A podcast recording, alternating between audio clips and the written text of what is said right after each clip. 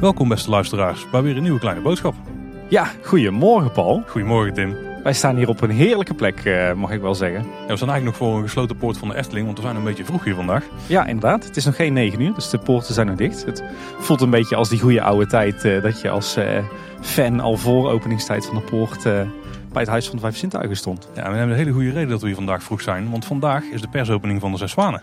Ja, inderdaad. En eh, daar mogen we eh, uitgebreid verslag van gaan doen eh, vandaag. Ja, en ik kan je alvast waarschuwen, als je deze aflevering luistert en je bent nog niet in de Zes Zwanen geweest en je wilt er nog niks van weten. Deze aflevering zit gewoon helemaal compleet vol met spoilers. Ja, Als je deze hebt geluisterd, dan is het hopelijk een beetje net of dat je er zelf bij bent geweest.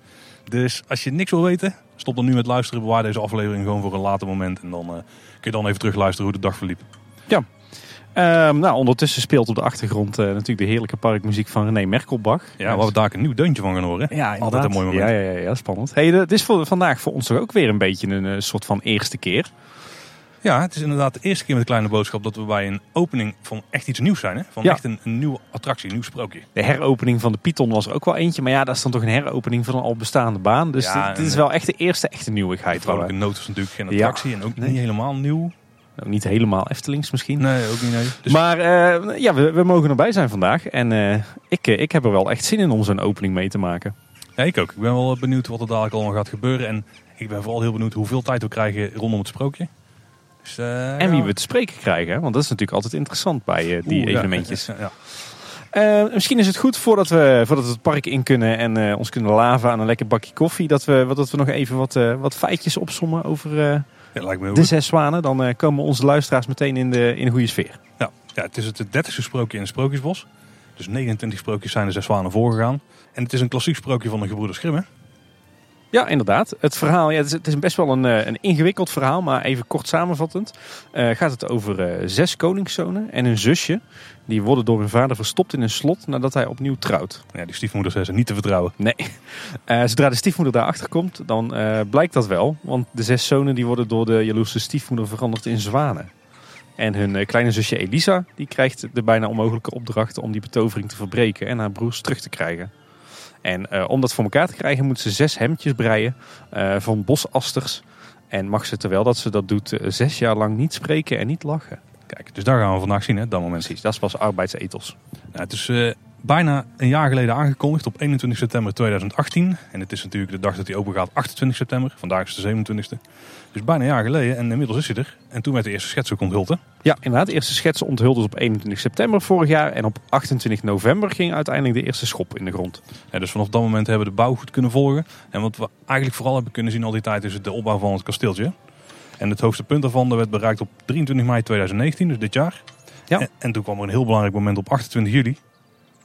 En toen, eh, toen arriveerden de zwanen hier eh, Ja, in Kaatsheuvel. En daar draait het toch uiteindelijk wel een beetje om. Hè? Want daarmee Letter- is letterlijk en figuurlijk bijna. hè? Ja, want daarmee is het namelijk het eerste attractietje in het Sprookjesbos. En met, met, tenminste de eerste ride, laat het dan zo zeggen. Een echte infill zo waren. Iets waar wij al, al jarenlang eh, om eh, verzoeken. Ja, zeker. En dan is het eh, morgen 28 september 2019. En dan is de officiële opening. En dat is dus iets meer dan een jaar na de aankondiging. Dus hebben we flink doorgewerkt. Ja, we zeggen wel morgen. Het is nu natuurlijk 27 september, vrijdag. Maar deze podcastaflevering die komt uit op maandagochtend. Dus eh, Ja, eigenlijk is het eergisteren eh, Paul. Ja, dus altijd die, eh, die, die, die tijdreizen wat wij doen in de afleveringen. Ja, inderdaad.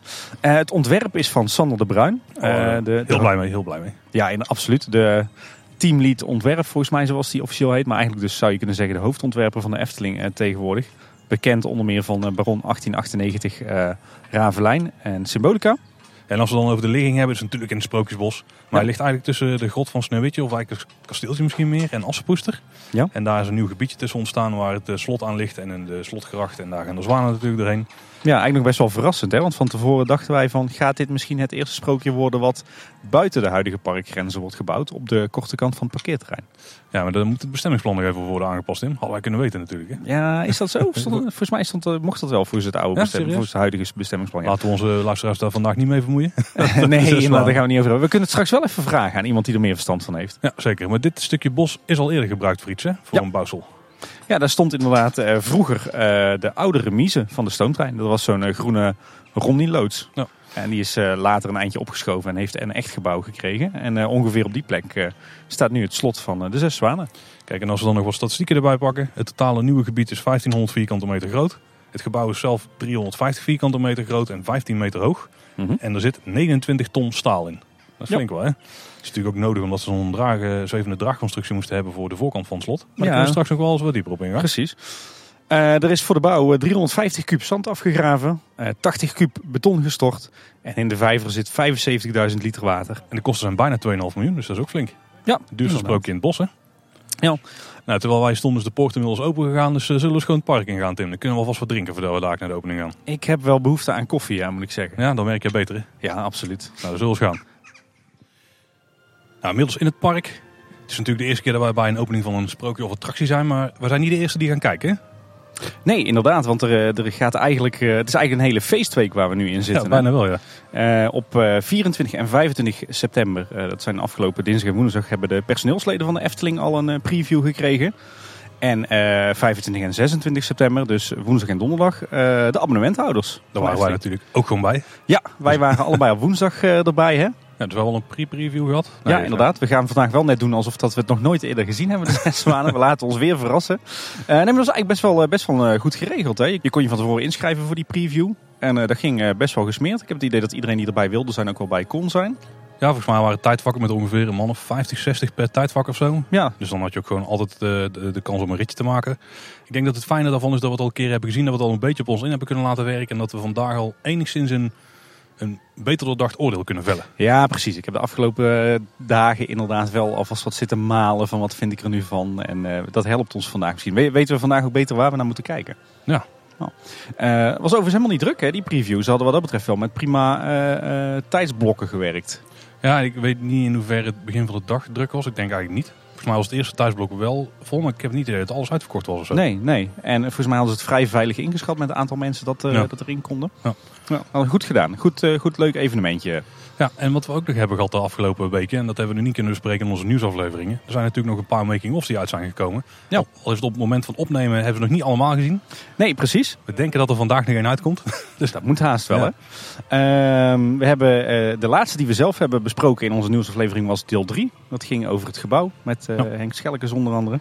Ehm, maar eh, een week geleden ongeveer kwam deel 4 uit. En die, daarin stond de landscaping centrale. Ja, en daar hadden we natuurlijk al wel stiekem wat van gezien. Want als je over het hek heen tuurt, wat wij denk ik toch wel vaak hebben gedaan. Ja, Dan eh, kon je er al wel van meekrijgen. En volgens mij hebben we ook bijna iedere aflevering dat we het erover hebben gehad gezegd van dit wordt echt heel mooi. ja, absoluut. Het gebouw, maar zeker ook de landscaping wordt echt eh, subliem, denk ik, voor eh, wat we gewend zijn. En hoe heet die boom nou, eh, Tim? Die met die twee verschillende bladeren. Ja, ehm De far- de de, sassafras. de sassafras, ja, daar is hem. ja. En niet de sassafras, want die fout maakt iedereen, maar het is de sassafras. Oké, de sassafras. Nou, we gaan er vandaag eens op letten. Ik heb er met de preview ook al eh, op gelet. Ja, was er wel eens een leuk interviewtje trouwens met eh, Ivo Soetmeijer, de landschapsarchitect van de Efteling. Volgens mij de eerste keer dat hij echt eh, publiekelijk in beeld kwam. En ja, heel interessant. Ja, we gaan er niet al te veel op in wat dan de daadwerkelijke landscaping is. Want dat doen we natuurlijk straks. Daar gaan Nou, we dat we dadelijk er- doorheen lopen. Hè? Ja, nadat we het grondig hebben bestudeerd, dan bespreken we die. Ja, maar we, ja, we hopen eigenlijk dat later vandaag nog eh, het vijfde en laatste deel online gaat. Met eh, wat, wat draait rond de muziek. En misschien dat we René Merkelbach vandaag wel spreken. Hè? Dus dan zouden we nog even kunnen, kunnen aanhalen. Daar hoop ik wel op. We hebben officieel te horen gekregen dat we met eh Fons, Jurgens en Sander de Bruin kunnen praten. Maar wie weet staan er nog meer interessante persoonlijkheden bij het sprookje. Daarom eens kijken wie we voor de microfoon kunnen krijgen. Dan eh, lijkt me nu tijd om naar de opening te gaan. Hè? Ja, laten we langzaam maar zeker het Sprookjesbos in wandelen. Nou, het persmomentje is net geweest. De opening door eh, wat kinderen die hierbij waren, die is net eh, gebeurd. Ja. En wij zijn een stukje teruggelopen. We staan nu naast de grot van Sneeuwwitje. En we gaan nu het terrein van de Zes Zwanen betreden. En eens even vertellen wat we allemaal zien. Ja, inderdaad. Ehm, en we lopen hier dus richting de Zes Zwanen. En we komen eigenlijk terecht in een, een bosachtig gebiedje. Hè? Het ligt nog heel erg eh, afgesloten van de buitenwereld. Ja, en hier staan ook een paar flinke hoge bomen. Dus je voelt hier nog wel een beetje dat, eh, dat bladerdek waar ik zo van hou. Hè? Ja, absoluut. Ja, en als we hier naar beneden kijken, dat is ook wel meteen opvallend. Het is een van de eerste betonpaden in de Efteling. Ja, nou ja, het is niet een van de eerste betonpaden in Efteling, maar wel een van de, eh, eigenlijk de eerste plek waar beton wordt gebruikt om ja, te sculpen, eh, te sculpten eigenlijk. Hè. Dan ligt hier een, eh, we lopen hier over een soort van bospaadje, moet je het voorstellen.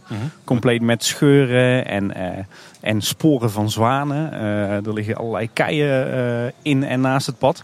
Eh, heel mooi gedaan. En ook het, het groen ziet er hier echt heel fraai uit. Het, het, je hebt hier echt een beetje dat gevoel dat je in een bos bent. Hè? Veel dennenbomen, sparren. Eh, ja, veel bos, bosplantsoen eigenlijk. Hè? En als we iets verder lopen, dan komen we eigenlijk over een soort eh, doorgang tussen twee watertjes. Ja. En er staan ook mooie piekse, pieksgroene hekjes tussen, van die metalen, weet je wel, met zo'n krul aan het einde. Ja, eh, er staan ook astertjes geplant.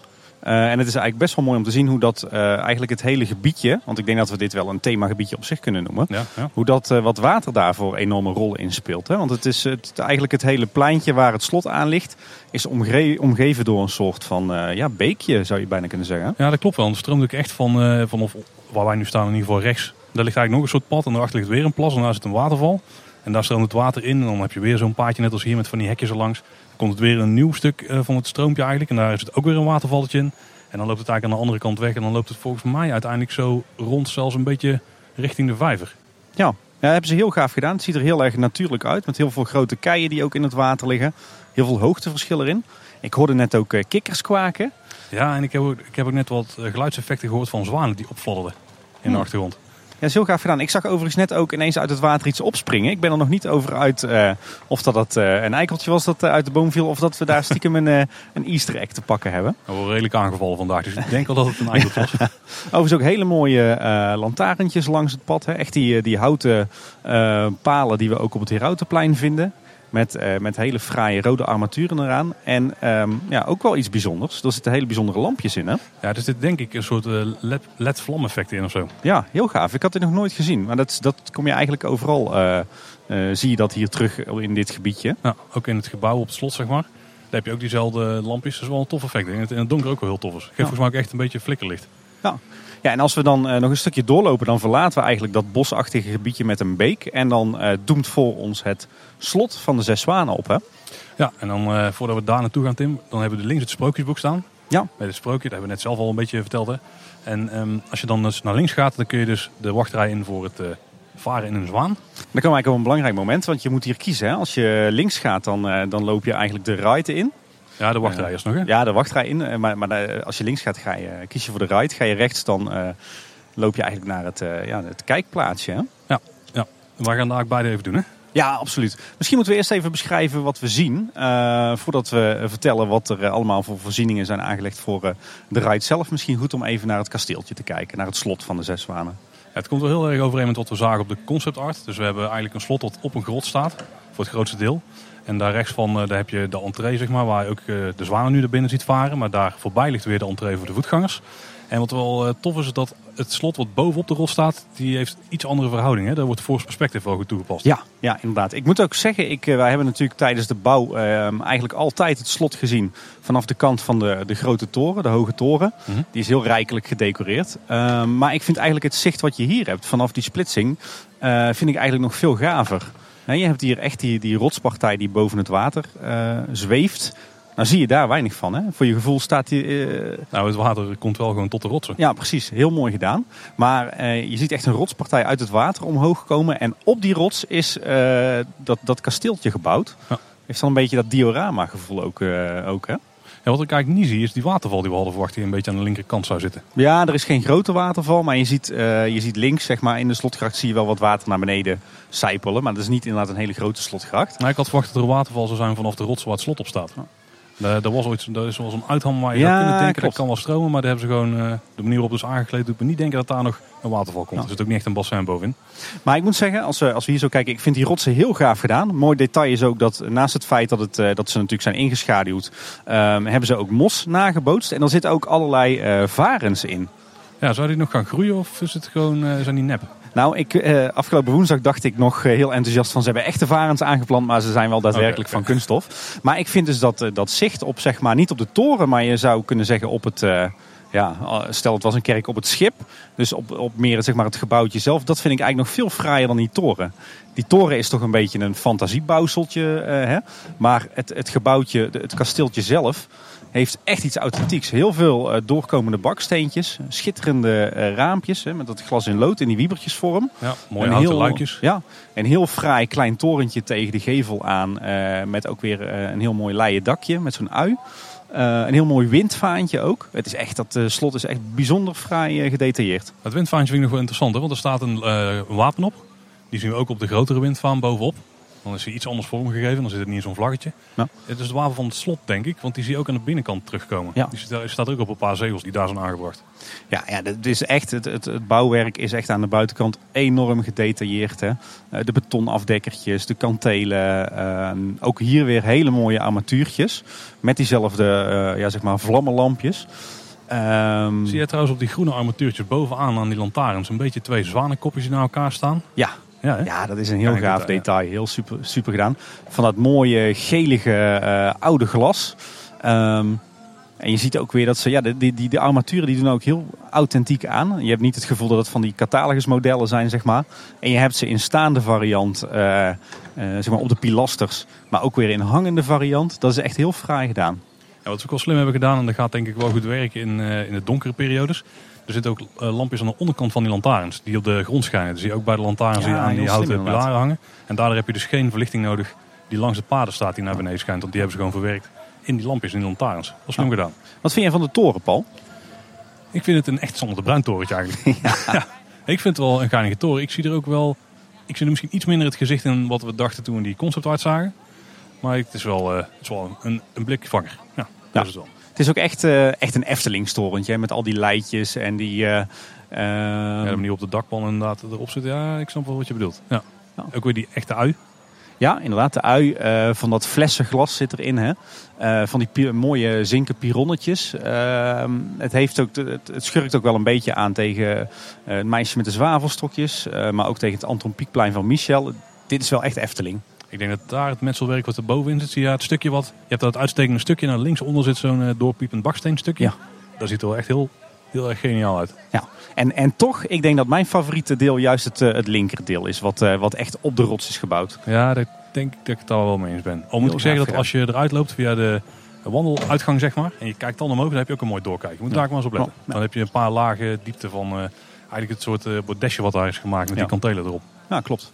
Maar dat is het slot. Eh, maar er is hier natuurlijk ook het een en ander aangelegd eigenlijk om die, eh, de ride aan te leggen. Hè? Ja, en daar is een opvallend stuk wel van die rots die in het midden van het water ligt. Want die, Ja. eh, die, die verbloemt een beetje de techniek die erin zit. Hè? Ja. Wat ik daar wel interessant bij vind, is dat die toch best hoog is. Ik had hem lager verwacht, waardoor je iets meer die gelaagdheid in die rots had, zeg maar. Ja, ik snap wat jij bedoelt. Ik vind, vind wel vrij hoe ze hem echt... want het is, die, die rots is van kunststof, hè? Hoe dat die toch bijzonder goed lijkt op de, de stenen Nou, dat zat ik net ook te denken. Ik denk ook dat het komt omdat het nu al heeft geregend en dat het vochtig is. Omdat Ja. daar zo iets meer op elkaar lijken. Want daardoor glimmen die rotsen aan de achterkant ook wel een beetje. Ja. Ik had het idee toen we bij de preview waren dat het iets minder was. Hoor. Maar wel, eh, het, het is niet storend zo. Het is Nee. gewoon wel eh, goed vormgegeven. Ik moet zeggen, ik vind de variatie in het materiaalgebruik in het ontwerp ook mooi. Hè? Je ziet dus die, die, die, een beetje die ruige rotspartijen waar het kasteeltje op is gebouwd. Het kasteeltje en de toren zelf, daar is gewerkt met, eh, met, met echt eh, de donkerrode baksteentjes en het, en het stukwerk. Maar als je dan rechts kijkt naar die doorgang waar de zwanen het slot invaren, dan is daar juist weer gewerkt met wat, eh, wat grotere stenen, meer eh, van die kloostermoppen, zeg maar. En, eh, en ook met keien waarmee eh, de doorgang is gemaakt. Eh, Ja, dus er is een heel gevarieerd materiaalgebruik. En dat vind ik wel heel fraai. Ja, zeker. Ja. En ik vind ook, als je overigens naar de vloer kijkt, dan heb je dus het stuk waar we nu lopen, is dat beton met die, die sculpting erin. Ja, met zwanenpoten. Hè? Ook een Heel paar gaaf. zwanenpoten inderdaad die staan. Die vanaf het vijvertje zo dwars over het pad gaan lopen. Maar dan krijg je eigenlijk een randje van die kinderkopjes. En dan heb je gewoon normaal eh, straatwerk richting de zwanen toe. Maar als je dan naar de rest van de, de vijverrand kijkt, zeg maar, die is dan weer heel grof weer eh, vormgegeven. Ook wel Ja. mooi. Ja, ik moet zeggen dat ik van tevoren best benieuwd was hoe ze dit gingen combineren. Echt een, een Eftelings bouwseltje als dit kasteel. Met eh, ja, eigenlijk de koude techniek die je nodig hebt voor zo'n ride. Maar ik moet zeggen dat dit wel bijzonder fraai is uitgewerkt. Hè? Eh, de, de hekwerken zijn eh, echt van die typerende Eftelingse hekwerken. Met in piekblauw en piekgeel. Ook weer een ander soort lantaarnpaaltjes. wel weer in diezelfde stijl. Ehm, Degelijke bordjes ook trouwens. ja, de bebording is heel fraai. Echt eh, allemaal mooi in stijl. eh, heel gaaf gedaan. Eh, ja, en de controlekamer. van tevoren waren daar nogal wat, was daar nogal wat bezwaar op. Maar ik vind hem toch bijzonder fraai staan. Ik vind nu ook wel passen. Zeker omdat er ook rode lantaarns staan. En hij is toch wel goed ingeschaduwd. Dus hier vanaf een afstandje niet, maar als Ja. je er dichterop staat, is het best goed te zien. Heel fraai gedetailleerd aan de buitenzijde. Dit is ook het, het wachthuisje van de Koninklijke Garde. Hè? Ja. En dat kun je ook zien als je erin kijkt. Want er ligt ook zo'n, ik denk vooral als ze op expeditie gaan, zo'n rugzak in met een slaapzakje erop. En een paar van die mutsen die ze dan gebruiken. Ja, en eh, zo'n zo'n horen waar ze op blazen als ze te paard gaan. En volgens mij zit er ook een klein, ehm, volgens mij zit er ook een klein houten standbeeldje in. En die een beetje houtsnijwerk, zeg Ja. maar, die zie je ook weer terugkomen aan de binnenkant. Dus is ook een soort overeenkomst ertussen. Heel gaaf gedaan. Zullen wij eens eh, kijken of we met de zwanen mee, eh, mee mogen? Ja, en voordat we dat gaan doen, even eh, over de vijver. Ik had namelijk verwacht dat die helemaal rond zou zijn, maar er zit ook een uitloper aan. Hè? Ja, klopt. En dat Dat is is ook waar, waar dat watertje eigenlijk, eh, eigenlijk eh, Eindigt. Ja. in, in uitkomt, zeg maar. ja, precies. Ja. Dan lopen we de meandering in. Overigens een vrij bescheiden meandering. En het eerste wat we tegenkomen is een bordje waar je de, de indeling van de zwanen kunt zien. Ehm, Die is wel anders dan we hadden verwacht van tevoren. Ja, inderdaad. Je kunt maximaal met twee volwassenen erin. Eh, of met één volwassene en eh, twee kinderen. Of met eh, drie kindjes. En ik denk dat de reden ook inmiddels duidelijk is. Je zit heel anders in de zwaan dan ik had verwacht. Ja, absoluut. Wij hadden van tevoren gezegd van je zit op twee rijen in bankjes. Maar het is heel anders hè. Het is eigenlijk een beetje toch weer de terugkeer van de oude bobs. Want je Ja. zit achter elkaar op een plank die ja, van voor naar achter dwars door het midden loopt, zeg maar. Ja, het deed mij ook een beetje denken aan de manier waarop je in een lokvloembootje zit. Hè? Ja, sommige wel, ja, inderdaad. Ja, ja, ja. Wat ook bijzonder is, is dat we hier zien dat je er niet in mag als minder valide. Ja, dat is inderdaad wel bijzonder, want er is op zich plek genoeg, zou je zeggen. Ja, En de transfer is wel over een centimeter of 15 water heen, maar daar zou in veel gevallen toch te doen moeten zijn. ja, verbaast mij ook. Misschien moeten we het dadelijk eens vragen. Ja. Wat ook interessant is, is dat er staat, kijk voor de wachttijd in de Efteling-app. Dus er worden hier wel eh, wachttijden bijgehouden, maar die zien we hier niet eh, eh, op het bordje terug. Misschien maar goed, want dat zou misschien wat detoneren. Bijzonder fraai vormgegeven bordjes overigens. Ja. Nou, dan lopen de wachterij verder in. Dan gaan we eigenlijk weer tussen het watertje door. En hier zie je ook een beetje dat het, als je je voorstelt dat het hier onderdoor loopt, dat het dan uitkomt in de hoofdvijver. hè? Ja, dit is echt schitterend gedaan. Hè. De, de, weer dat, eh, dat piekse hekwerk, eh, die keien die zijn verwerkt in het betonpad. We zien wat zwanenpoten. Eh, mooie, fraaie houten, houten lantaarnpaal ook weer. En wat ik er ook wel opvallend vind is als je naar links kijkt, dan staat daar natuurlijk de duiventil. Ja. Maar die hebben ze best goed weggewerkt. Hè? Ze hebben daar flink wat permanent groen eh, voor geplaatst, mag je dat zo noemen? Ja. Van die, eh, Groenblijvers eigenlijk. ja, hè? precies. Ja. Dus die ga je denk ik het grootste deel van het jaar niet zien. Als we dan aan de andere kant kijken, dan zie je op dit moment nog wel de parkeerplaats. Maar ook daar zijn wel van die groenblijvers geplant. Ik ga Ja. hem gebruiken in mijn repertoire in. En eh, ik denk dat we daar over een jaartje of zo niet zo heel veel meer van zien. Want die groeien ook best hard. Hè? Ja, absoluut. Het valt me wel op nu hoe ongelooflijk dicht we bij de spoorlijn zitten. En dus ook bij het parkeerterrein. Ja, die kun je ook goed horen, de trein als die langskomt. Ehm, dan hebben we vervolgens lopen we naar de, naar de bocht. En dan eh, hebben we een doorkijkje eh, op het Herautenplein. Eigenlijk op de achterkant van het kasteeltje van de stiefmoeder van Sneeuwwitje. hè? Het is nu nog afgesloten met hek inderdaad, maar dat ga je straks wel mooi zien. En je ziet dan ook de achterkant van de grot van Sneeuwwitje, inclusief Ja. het torentje met het Ja. luikje erachter. Heel fraai. En er is hier ook een eh, soort van ja, vallei gemaakt, zou je bijna kunnen zeggen. Met, Ja. met ook weer een paar wat mooie planten erin. Goed gedaan. En er staat hier ook een ouderwetse mand als prullenbak.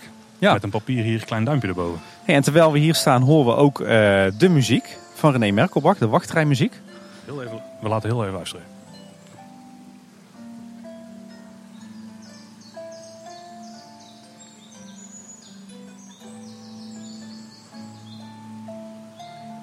Nou, rustig kabbelend eh, harpmuziek hier. Een heel mooi, eh, Ja. mooi melodietje, ja. Heel mooi. Dan ben ik benieuwd of ze ons gaan zien, Tim. Want inmiddels is de pers allemaal uit de bootje gestapt. Maar wij moeten nog een rondje doen. Wij zijn weer eh, te traag, eh, lijkt het wel, hè? Het laatste stukje sta je dus te wachten ook naast de vijver. En dan heb je ook uitzicht op die waterval. Ja, ik vind de omgeving echt heel tof geworden. Echt heel gaaf gedaan. Landscaping is hier bijzonder goed uitgevoerd. Ja. Eh, en we kijken hier op de controlekamer en die ziet er echt schitterend uit. Hè. Mooi in hout uitgetimmerd. Ja, toffe deur. Ja. En we Mooie deur eh, inderdaad. Aan een rondje varen, ook. eh, ja, we moeten een rondje varen. Eh, overigens, ik wil nog wel even ergens stilstaan. Want als je dan dat toch al schitterende controlehuisje ziet. Dan hangt daar een bordje aan wat, wat ons heel bekend voorkomt. Ja, dit is een van de zakkenrolbordjes. Hè? Ja, de aangeraden wordt te passen op uw beurzen en uw tassen klassieker. Maar wel met een twist. Ja, in en om het slot houdt hier, zoals u vast al dacht, de koninklijke garde met strenge hand de wacht. Ja. Nou, doen ze goed. Dus Ja. Mooie afbeelding ook met eh, volgens mij eh, een, eh, een heks, een wachter en een qua jongen. en Heel gaaf gedaan. of zo. We, gaan, we moeten straks eens aan Sander vragen wat hier nou de gedachte achter is. Ik ben wel benieuwd. Het instap, instapperron is ook weer fraai uitgevoerd in, eh, in hele mooie gebakken klinkers. Gaan we gezellig met z'n tweeën in een bootje, Tim. Gaan we, wij gaan met z'n tweeën in een bootje. De vleugel gaat omhoog van de zwaan. Waar gaan zitten? Ik wil- ga dan achterin, denk ik. Met gevaar voor eigen leven met microfoon en al in de zwaan stappen. Nou, dit komt wel goed, denk ik.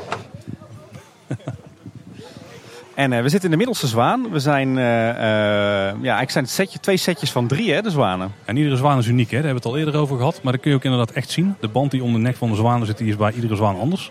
En ook de, zeg maar, de kapseltjes en een beetje wat onder de, de kin hangt, is ook afwijkend bij iedere zwaan.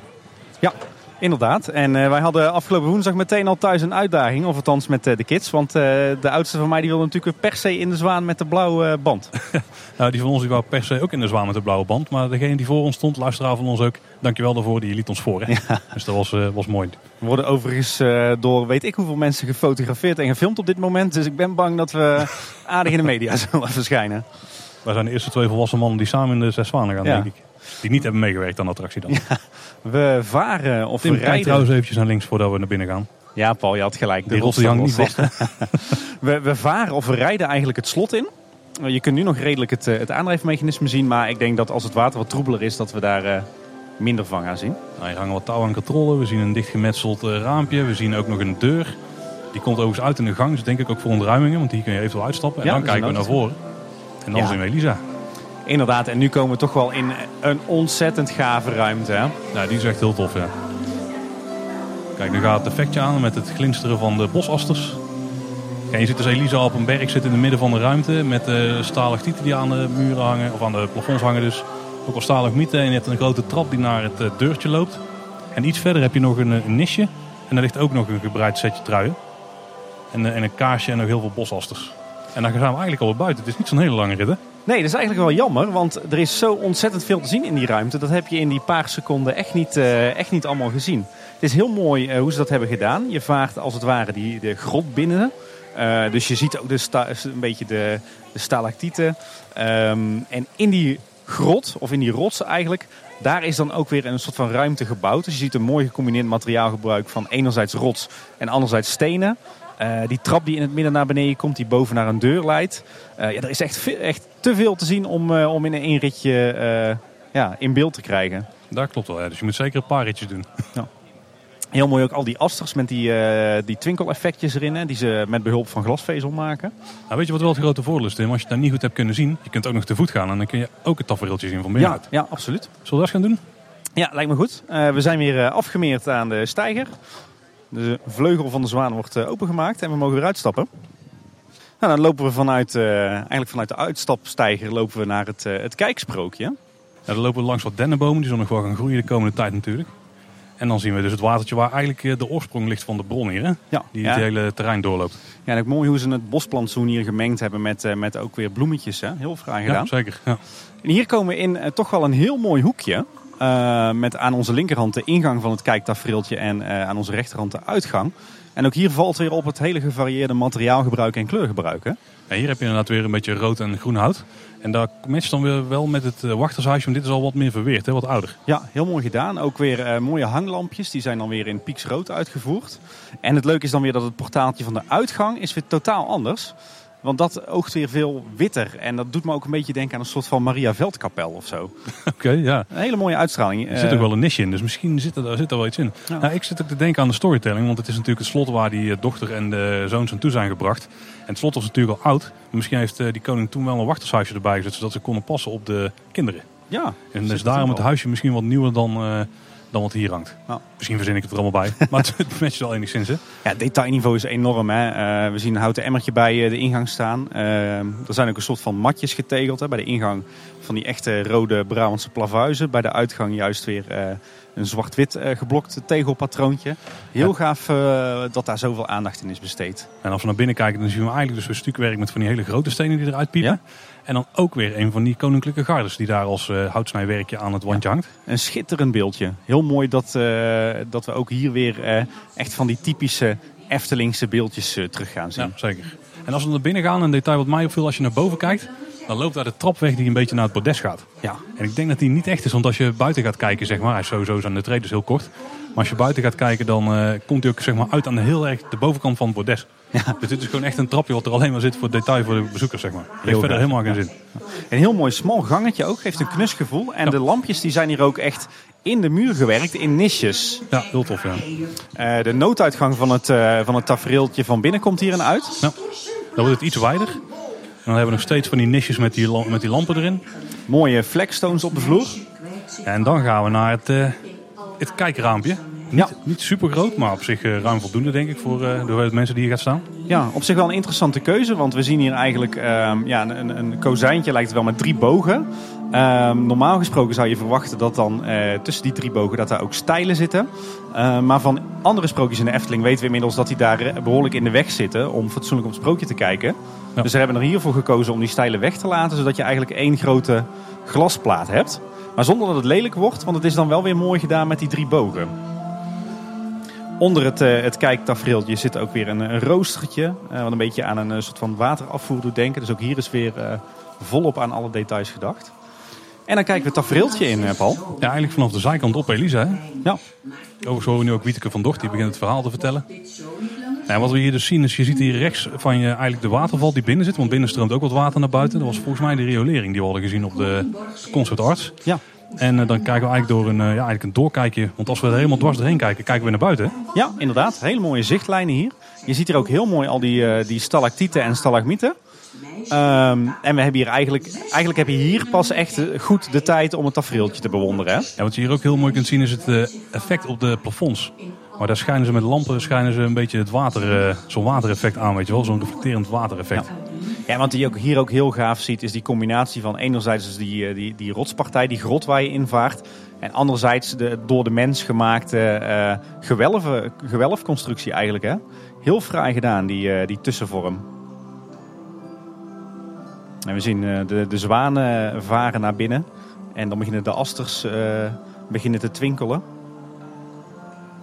En op een gegeven moment komen de zwanen inderdaad langs. Dan begint alles te twinkelen. Maar ook Elisa, die, die komt omhoog. Hè? Ja, En die kijkt ook de zwanen na. Dat is wel een heel sterk effect. En dan als ze weg zijn, dan zakt ze weer in. Dus het is net van, hé, daar zijn mijn broers. Die komen weer op bezoek. En dan is ze even verheugd. Maar ze mag niet lachen natuurlijk. Dus daar zie je ook verder niks van.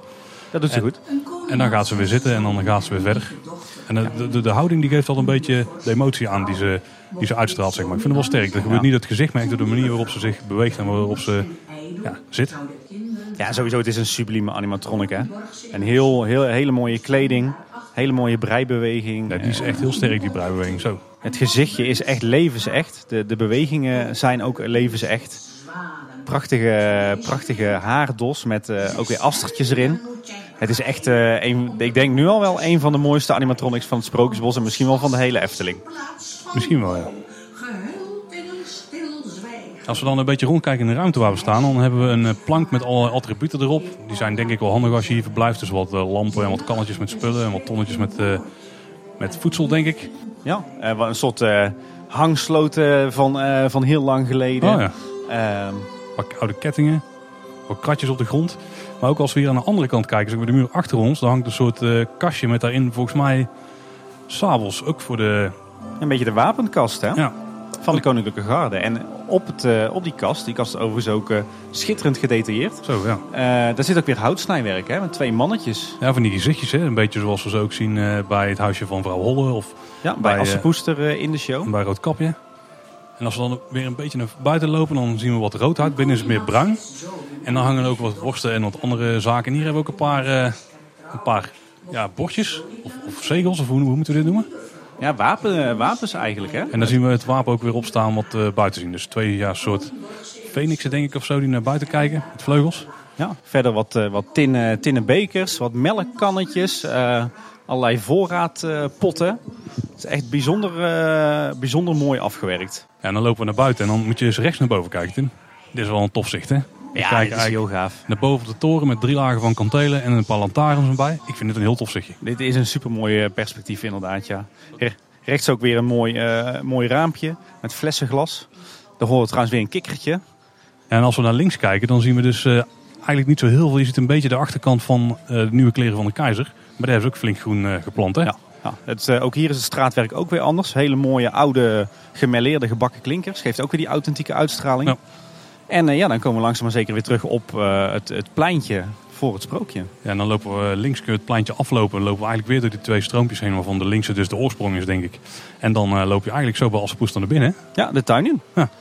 Er staat nog wel een soort van die, die rare hoge heg tussen. Die coniferenhaag. Ik ben toch benieuwd wat daarmee gaat gebeuren. Dat gaan we dadelijk toch eens vragen. En de grafzerk van de moeder van Assepoester, die staat nu eigenlijk aan de kant van de zes zwanen. Die staat aan deze kant van de heg. Ja, dus ik denk toch dat de bedoeling is dat, dat die tuinen wat meer in elkaar overlopen dan, eh, dan nu nog het geval is. Nou, dat denk ik ook zeker. Hey, zullen we eens gaan kijken wie we nog kunnen spreken? Want volgens mij hebben we het hele sprookje nu wel eh, aardig doorgenomen. Ja, we kunnen het nog een keer doen en no- en nog meer vertellen van wat we zien. Maar laten we het voor nu inderdaad hier maar bij houden. En laten we eerst even kijken of we nog wat mensen kunnen spreken. We staan hier inmiddels bij eh, Fons Jurgens, bestuursvoorzitter van de Efteling. Fons, van eh, harte gefeliciteerd met de opening van eh, de Zes. Ja, dankjewel. Wij zijn ook heel erg blij om de dertigste sprookje te kunnen toevoegen aan ons Sprookjesbos. Het is het veertiende sprookje van Grim wat we hebben. En het is het eerste vaar- en staar-sprookje wat we kennen. Het is niet een lelijke eentje, maar het is wel het eerste watervogelsprookje wat toch onder jouw directeurschap dan wordt gerealiseerd. Hè? Ja, dus we hebben, doen al een stapje vooruit. Dus we zitten al bij zes zwanen, dus dat is al heel mooi. Het zijn hier wel een paar mooie vijvers waar eventueel nog een eh, eentje of zo of een zwaantje in kan Nou, ik blijf goede hoop houden hoor. Helemaal goed. Hey, we gingen het, alle sprookjes in het sprookjesbos een beetje na. En toen beseften we ons eigenlijk dat dit het eerste sprookje is waarbij een vrouwelijke held in de hoofdrol zit. Is dat een bewuste keuze geweest? Of? Nou, nee, goed. Wij, wij, eh, die discussie die, eh, die hebben we niet. Wij vertellen verhalen, we vertellen sprookjes. En wij zijn heel erg blij eh, eh, met dit verhaal. Waarbij inderdaad een, een stoer meisje eh, een heleboel over heeft voor haar eh, zonen. Eigenlijk de betovering gaat verbreken. Ehm, en die moraal die erin zit, ehm, is wel dat je wat over moet hebben voor je familie of voor je vrienden. Ehm, en ik denk dat in deze tijd dat een hele mooie moraal is. Mooie Ja. boodschap, Ja. ja. Ehm, de Zes Zwanen is ook ehm, de eerste attractie in het Sprookjesbos. Een uh, invulride zou je kunnen zeggen. Waarom hebben jullie daarvoor gekozen? Nou, wij willen eigenlijk al een aantal jaren willen we eigenlijk een iets interactiever ehm, sprookje in het Sprookjesbos. We hadden natuurlijk altijd wel de klinkjes en het roepen. En we hebben een aantal andere mooie toevoegingen die we hebben. Dat je ergens aan moet trekken bij Pinocchio. Ehm, maar wat dit zo mooi maakt is dat het verhaal, eh, dat wij de kinderen mee kunnen nemen in het verhaal. Eigenlijk onderdompelen. ehm, in plaats van dat ze twee minuten moeten luisteren naar een verhaal. Kijk, de concentratieboog van kinderen is wat kleiner geworden. Overigens niet alleen van kinderen, ook van ons. Ja, ja, daarom. Dus vandaar, en we willen toch graag die hoeder en moeder zijn van de sprookjes en van de verhalen. Ehm, en willen we ze toch meenemen. En we denken dat we op dit, deze manier het toch iets wat minder bekende sprookje, de Zes Zwanen, toch kunnen overbrengen. En hoe is dat een beetje tot stand gekomen? Want eh, er was het idee al, er moet een ride komen en zwanen is erbij gekomen? Of is het een beetje andersom gegaan? Nee, wat wij hebben is, we hebben een aantal ideeën voor sprookjes. En we hebben ook nog een aantal ideeën van gebieden waar nieuwe sprookjes kunnen komen. En dan eh, leggen wij de opdracht eh, zeg maar neer ook bij onze ontwerpers. En met name bij Sander de Bruin, als onze hoofdontwerper. Ehm, en Sander die komt met een idee. En hij heeft de, de prent van Anton Pieck, die al tientallen jaren geleden gemaakt is, heeft hij gevonden. En hij vond dat heel erg geschikt om daar deze interactief sprookje van te maken. Ja, maar de, de opdracht was dus wel, uh, maak een sprookje met uh, een infill. Of in ieder geval een en maak een sprookje waar je in ieder geval ondergedompeld wordt Ja. in het sprookje. In plaats van alleen dat je staat te kijken en te luisteren. Ja, uh, de ride heeft natuurlijk logischerwijs een lage capaciteit. Is dat nog iets waar jullie mee hebben geworsteld? Daar hebben we zeker mee geworsteld. Alleen wat we uh, denken is dat de eerstkomende maanden misschien dat iets wat drukker is. Vandaar dat je ook een klein wachtrijtje ziet. Maar dat daarna het gewoon opgaat, dit sprookje in het Sprookjesbos. Um, en we willen het graag klein houden. Uh, het is niet zo dat er meerdere attracties in het Sprookjesbos komen. Het Sprookjesbos is een plek waar je met elkaar kunt dwalen en verdwalen. En dat moet zeker zo blijven. Ja, ik denk een, een hele, mooie, hele mooie keuze. Um, hoe, zijn, hoe zijn jullie bij de locatie uh, van dit sprookje uitgekomen? Want wij dachten stiekem dat we nu eindelijk over de spoorlijn heen gingen het parkeerterrein op. Ja, dat, uh, dat mogen jullie blijven hopen. uh, wij hebben binnen het huidige Sprookjesbos hebben we nog wel een aantal plekken waar uh, we ook iets kunnen doen. Um, en waar we voor deze locatie hebben gekozen is wel ook omdat wij al een tijdje natuurlijk Assepoester hebben. En Assepoester een beetje weggedrukt ligt op het Herautenplein. En, en op deze manier ook Assepoester de plek kunnen geven die het verdient. Ja. Daarover gesproken, we zien uh, tussen, tussen de zes zwanen en Aspoester nog een, uh, een hele hoge coniferenhaag staan. Ja. Uh, gaat die nog weg of blijft die daar staan? Nee, deze coniferenhaag die blijft staan. Want uiteindelijk moet er wel een, um, een, een, scheiding zijn tussen de sprookjes. Oké. Okay. en ja, goed, wij hebben gekozen om dat te doen door deze coniferenhaag. Oké. Okay. Ja, er is een vertelstem toegepast. Weer een ouderwetse Wieteke van Dort verhaaltje. Heel mooi. Um, hoe gaat het werken voor de internationale gasten, verwachten jullie? Moeten die het vooral even van het sprookjesboek en de ervaring? Of? Ja, die moeten kijken. We hebben overal natuurlijk de sprookjesboeken in meerdere talen. Um, en ik hoop ook wel dat de gasten, doordat ze inderdaad in het sprookje gaan uh, uh, zitten, uh, dat ze nog meer meekrijgen van het verhaal. Dus ik denk zonder dat je de, de, stem van Wieteke hoort, dus een sprookje in het Nederlands tot je krijgt, dat mensen echt wel gaan begrijpen waar het sprookje over gaat. Ja. En wat we zagen bij het laatste sprookje was toegevoegd, Pinocchio. Daar was een musical aan verbonden. Pinocchio loopt inmiddels in, tijdens de negen pleinensteinavonden wel zo rond in het sprookjesbos. Gaan we Elisa nog meer zien? Nou, dat sluit ik niet uit. Uh, maar komend jaar zal er geen musical komen over de zes zwanen. Eh, de Zes Zwanen is natuurlijk een relatief eh, onbekend sprookje, denk ik. Ja. Ehm, is dat een bewuste keuze om daar, dat nu te gaan uitbeelden? Nee, dat is echt niet. We hebben niet eh, gekozen voor onbekendere sprookjes. Nee, het is echt zo dat eh Sander de Bruin eh, zeg maar het meest belangrijke vond dat het varen en staren was. En dat dit sprookje daarvoor eh, eh, nou, uitermate geschikt was. Ehm, en ook dat we die, die prent van Anton Pieck hadden. Dat was natuurlijk ook wel een heel mooie start. Ja, en zes zwanen is natuurlijk net capaciteit technisch wel interessanter dan één lelijk eentje. Is ook weer zo'n punt. Ja, daarom, daarom is het er niet geworden. Ja. Eh, zijn jullie bang dat omdat het dus een wat, meer, wat minder bekend sprookje is, dat het ook minder aantrekkingskracht heeft? Of denk je van dat er geen issue nee hoor, dat is geen issue. Ik denk dat mensen hier in het Sprookjesbos toch gewoon op zoek gaan naar verhalen. En dat eh, eh, kinderen eh, ehm, een heleboel sprookjes niet meer kennen. Vandaar dat we nu ook ons derde sprookjesboek hebben uitgebracht. waar inderdaad ook een aantal minder bekende sprookjes in voorkomen. Ehm, en we hopen dat die boeken eh, veel voorgelezen gaan worden door de ouders en grootouders. En zodat ze de sprookjes in ieder geval weer gaan herkennen. Ik denk ook dat onze jongere luisteraars die ook eh, flink gaan inslaan, die boeken. Ja, dat is ook goed hè. En Fons, wanneer sla je nou eens met de vuist op tafel en gaan we eindelijk gewoon dat lelijke jonge eentje in het bos zien? Nou, dat, eh, dat blijft een verrassing. Maar ik ga er toch wel echt vanuit dat, eh, dat ze een keer naar me gaan luisteren. Ja, bij ons op het werk zeggen ze altijd wie basis bak koek. Misschien moet je dit, dat hier ook even introduceren. Ik zal het hier introduceren. En ik, eh dat ga je dan zien in het volgende sprookje of het gelukt is. Kijk, Hey, Fons, nogmaals gefeliciteerd met de opening van het nieuwe sprookje. Wij zijn er heel blij mee. Dankjewel. Nou, wij zijn er ook heel blij mee. En eh, we gaan er eens lekker van genieten. Helemaal goed. mooi. Eh, we staan inmiddels bij eh, Sander de Bruin, eh, ontwerper van de Zes Zwanen en ook eh, teamlead ontwerp van de Efteling. Sander, ja, ook van harte gefeliciteerd met de opening van dit mooie sprookje. Dankjewel. Eh, dit was jouw eh, eerste sprookje eh, in het Sprookjesbos. Eh, hoe voelt dat nou om een sprookje te mogen ontwerpen in het Efteling Sprookjesbos? Dat is iets heel bijzonders. Het is ontzettend eervol om als ontwerper een sprookje te mogen ontwerpen voor de Efteling. Het is daar waar de bakermat van de Efteling ligt, de oorsprong van de Efteling. Ehm, en dat voel je ook wel als je hiermee bezig bent. Ja. Was, was het ook een klein beetje spannend? Dat je dacht van, oeh, dit moet wel in één keer goed gaan? Nou, spannend is het eigenlijk altijd, want we beginnen aan iets en je hoopt eh, een bepaald gevoel of emotie te raken of een bepaalde hè, een beleving met elkaar neer te zetten. Dus spannend is het eigenlijk altijd wel, ja. Hey, het is geen eh Ravelijn, Baron of Symbolica. Moest je jezelf nou inhouden voor een sprookje? Nee, nee, eigenlijk helemaal niet. Nee, het is ei- eigenlijk is het een ontzettend bijzonder ontwerpvraagstuk, een sprookje. Ja, om daarmee bezig te zijn. Nee, het, het is vooral dat je het evenwicht bewaakt en bewaakt met elkaar om de juiste toon van het sprookje te raken. En juist, ja, inhouden, ja, misschien wel te niet, maar ja, het is in die zin toch weer- ja, weer heel anders als Baron of Symbolica. Ja. Ja, Het is heel geslaagd hoor, dus het is goed gelukt. ja dankjewel. Ehm, hoe begon dit nou allemaal? Kwam eh, Fons bij jou binnen en zei die, eh, doe mij een sprookje? Of hoe gaat zoiets? Ehm, bijna. de, directie van de Efteling vraagt, eh, eh, vraagt uit, er komt weer een sprookje aan en zijn er ideeën? Ehm, en dan gaan we eigenlijk als team wel mee aan de slag. Van, ja, wat zijn de ideeën die we hebben? Wat zou leuk zijn voor de Efteling? Wat zou passend zijn? Wat willen we graag? Dan zijn er eigenlijk altijd een aantal ideeën. Ja, en uiteindelijk wordt daar dan gekozen voor wat matcht het meest, ehm, wat, ja, wat zouden we willen. En da- En daar is dan nu deze keuze uit, eh, uitgemaakt. En wanneer zijn deze idee ongeveer ontstaan? Zelf om het idee om van de zes zwanen een ride te maken is ongeveer drie jaar geleden. Oké, zo lang mee bezig. Stiekem. Ja, ja stiekem zo gaandeweg. Ja, het is ook altijd ook fijn als je toch eh, niet direct op een vraag iets ontwerpt, maar ook gewoon wel zaken ehm, kunt laten ja, laat en- sudderen, denken van oh wat als. En ja, dat is toch eigenlijk de mooiste route. En dat is natuurlijk fijn dat je bij de Efteling zelf werkt als in het ontwerpteam. En, en van waar nou de keuze voor, keuze voor zo'n relatief onbekend sprookje als de Zes Zwanen? Nou, het bijzondere van dit sprookje is dat het een Grimm-sprookje is. Anton Pieck is destijds voor het Sprookjesbos gevraagd vanwege zijn werk voor Grimm en Mhm. voor het Sprookjesboek van Grimm. Hè, De tafereelen die hier staan, hè, vanuit, vanuit de eerste tien sprookjes, eh, zijn ook erg schatplichtig aan zijn illustratiewerk voor dat boek.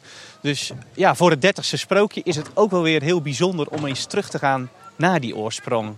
En bekend of onbekend, ja, het sprookjes zijn ook niet echt een competitiewedstrijd. Hè, dat is het gaat goeie, ja. eigenlijk meer over de moraal en waar gaat het nou eigenlijk over. En ik vind zes jaar lang iets over hebben voor je broers, om in stilte aan iets te werken. Hè, dus met zoveel toewijding en liefde, daar is wel een hele mooie boodschap voor de realiteit van alle dag. Ja.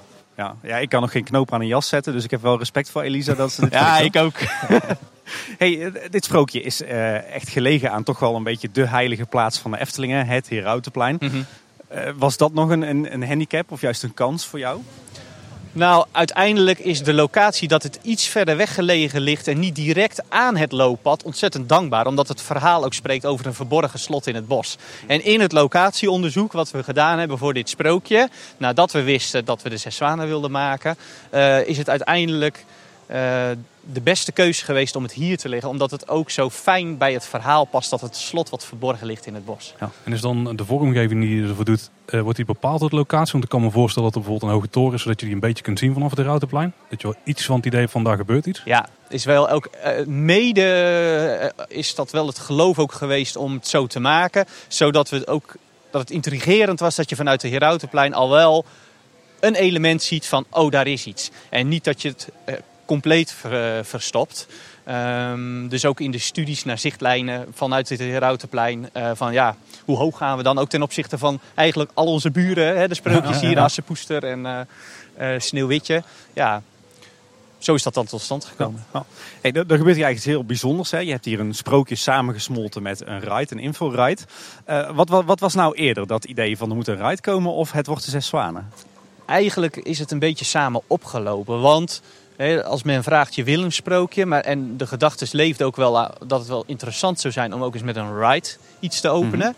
Kom je best al wel snel op van, oh, als je dan een ride wil, dan zou het met de zes zwanen heel goed mogelijk kunnen zijn. Want wat is er eigenlijk mooier als die zes broers echt een plek hebben en ook betekenis, eh, van, eh, betekenisvol worden gewoon in de hele vaartocht. Het is een beetje kip of het ei, je matcht het en als de match is, eh, kan je naar de, de volgende stap maken met elkaar.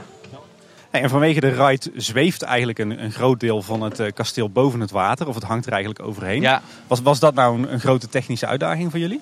ja, absoluut. Dat is best wel even geweest dat we dachten van, oh, dit kan helemaal niet. En eh, kunnen we het eigenlijk wel maken met dit transportsysteem? En het is juist ook dankzij onze bouwkundig ontwerper Ronald Donkers, eh, die daar ook heel veel werk aan heeft gedaan om het maakbaar te krijgen. En het valt ook op dat er echt deze keer ontzettend veel zorg en liefde is eh, voor de landscaping eh, rond het slot. Eh, hoe gaat dat in zijn werk? Doe jij dat? Wie is daarbij betrokken? En, en ja, Eigenlijk merk je in het hele proces, misschien ook wel logisch, maar zo is het, dat dingen toch van grof naar fijn gaan. En achter elke ontwerpdiscipline zit een vakspecialist. Dus het is eigenlijk, ik maak dit niet alleen. Dus je hebt de architectuur, eh, maak je samen met Ronald Donkers. Landschappelijk maak je samen met Ivo Suutmeijer. Het kostuum maak je samen met het kostuumatelier. Hè, we hebben natuurlijk een groot aantal professionals die dat vak ook naar beste eer en geweten uitoefenen. en juist elkaar vinden in een proces eh, is ontzettend belangrijk geweest. En is hier, eh, heeft het hier ook ehm, heel goed gedaan. Met name omdat we eigenlijk al onze ontwerpoverleggen verplaatst op een gegeven moment hebben naar de bouw. Dus Ah, we zijn oké, hier ja. gaan staan, hier hebben we met elkaar gesproken. Zodat als je op kantoor zit, hè, dat zou je misschien ook wel herkennen, Ja, van je dan denkt van... ehm, ja, hoe zit het nou eigenlijk in de realiteit? En dan zeg je, ja, dat was al zo. Maar als je hier bent en je hebt de confrontatie met elkaar, dan is er eigenlijk ook geen ontsnappen meer mogelijk. En dat, ik denk dat dat het proces en ook het teamwork ontzettend veel goed heeft gedaan. ja. ja, dat denk ik ook. Ik denk dat de landscaping echt van een subliem niveau is wat we niet, eh, niet kennen. Ik vind een interessante keuze wel dat hier een, eh, voor een betonvloer is gekozen eigenlijk. Waarom is die keuze gemaakt? Is het ook een landscaping keuze? Of Heel goed, ja, goede vraag. Want eh, je ziet eigenlijk binnen een aantal principes in de Efteling dat we geprobeerd hebben om echt een stapje meer te doen. Ja. Of een stapje bewustvoller. Hè, dat zie je aan eh, de armaturen. hè, De, de, de zwaan zelf, de landscaping, maar ook het beton. Hè, met de zwanenpootjes erin. Ja. Dat is Ja, van beek naar beek lopen. Ja, het is natuurlijk het sprookjesbos. Het moet ook een pad in het bos eh, voorstellen. En omdat dit zijn eigen plekje is en omdat het eigenlijk net ook ja, wel aan de route zit, maar ook een eigen lusje maakt, eh, vonden we dit een goed project om daar gewoon ook eens dingen in te proberen. Of het voor ons zou kunnen werken. Ja, of het voor de Efteling smaakt, of het toepasbaar is, of het werkt. En juist bij zo'n project, wat toch een eigen omgeving heeft, een eigen wereld is, eh, is het ook heel, heeft het ook de schaal waarin het aangenaam is om daarvoor te gaan. Ja. ja, ik denk dat hij bijzonder geslaagd is. Ja, ja, zeker. Hey, eh, eh, je past een ride in in een sprookje. Betekent ook dat er heel veel technische voorzieningen bij komen kijken. Er moet een meandering komen te staan, een controlekamer, ontruiming. Nou, allerlei spannende technische operationele dingen. Ja, Is het nou nog lastig om dat ingepast te krijgen in zo'n plaatje? Eigenlijk is het altijd lastig. hè, want je hebt altijd met ontruiming, of dat dan voor symbolica of de Oh, baron. ja. het, is, het raakt altijd de beleving. Ehm, en het is altijd noodzakelijk. Dus ja, je moet dat op tijd met elkaar aangaan, bediscussiëren, op tijd tekeningen af hebben, om er ook samen iets goeds mee te kunnen doen. Ja. En dat is eigenlijk bij het sprookje in deze schaal niet anders als dan bij Symbolica of de Baron. Hey, dan, als je kijkt naar die voorzieningen, een van de toch wel het ook springende zaken is het, eh, het controlehokje. Daar heb je echt gekozen voor een, een detonerende stijl, zeg maar. Die wijkt echt af. Is, wa- van waar die keuze? Het controlehokje ehm, is eigenlijk een wachtershuisje. Kijk. En is, ehm, is eigenlijk bedoeld voor de koninklijke garde die hier ooit eh, de bewaking had over het slot. Nu zijn het eigenlijk onze medewerkers. Dus we vonden het een knipoog naar de rol van de medewerker. Ja. En het is in stijl een knipoog naar ehm, de huisjes die ooit wel eens aan de roeivijver hebben gestaan. Ja. Dus Eh, toch. De meer dus nautische, eh, Ja. nautische eh, elementen. En dat paste eigenlijk wel weer goed bij dat het een element is aan het water. Zo de keuze om eigenlijk eh, het slot het slot te laten. En eigenlijk de rol van de medewerker eh, ook een plek te geven in de schaal die daarbij past. En zodoende is het tot stand gekomen. Op een gegeven moment wordt het sprookje wat minder druk bezocht, zeg maar, vooral in de rustige periode straks. Dan kunnen er natuurlijk momenten zijn dat jij binnen gaat kijken, maar dat de zwanen niet varen. Maar het is best een essentieel onderdeel van de vertelling, zeg maar. Ja. Gaan de zwanen ook draaien zonder dat er mensen in zitten misschien? Of is daar nog... We hebben allerlei soorten programmeringen, Ah, zodat het verhaal altijd verteld Ah, zal eh, Kijk, worden. goed om te weten. Ja, toen ik hier ehm, met de, de previews was, toen was ik in de middag. En nu zijn we hier in de ochtend. Ik heb het idee dat het omgevingsgeluid anders is op die twee momenten. Wordt daar nog iets mee gedaan door de dag heen? Hoe laat was je hier? De... ik was toen eind van de middag.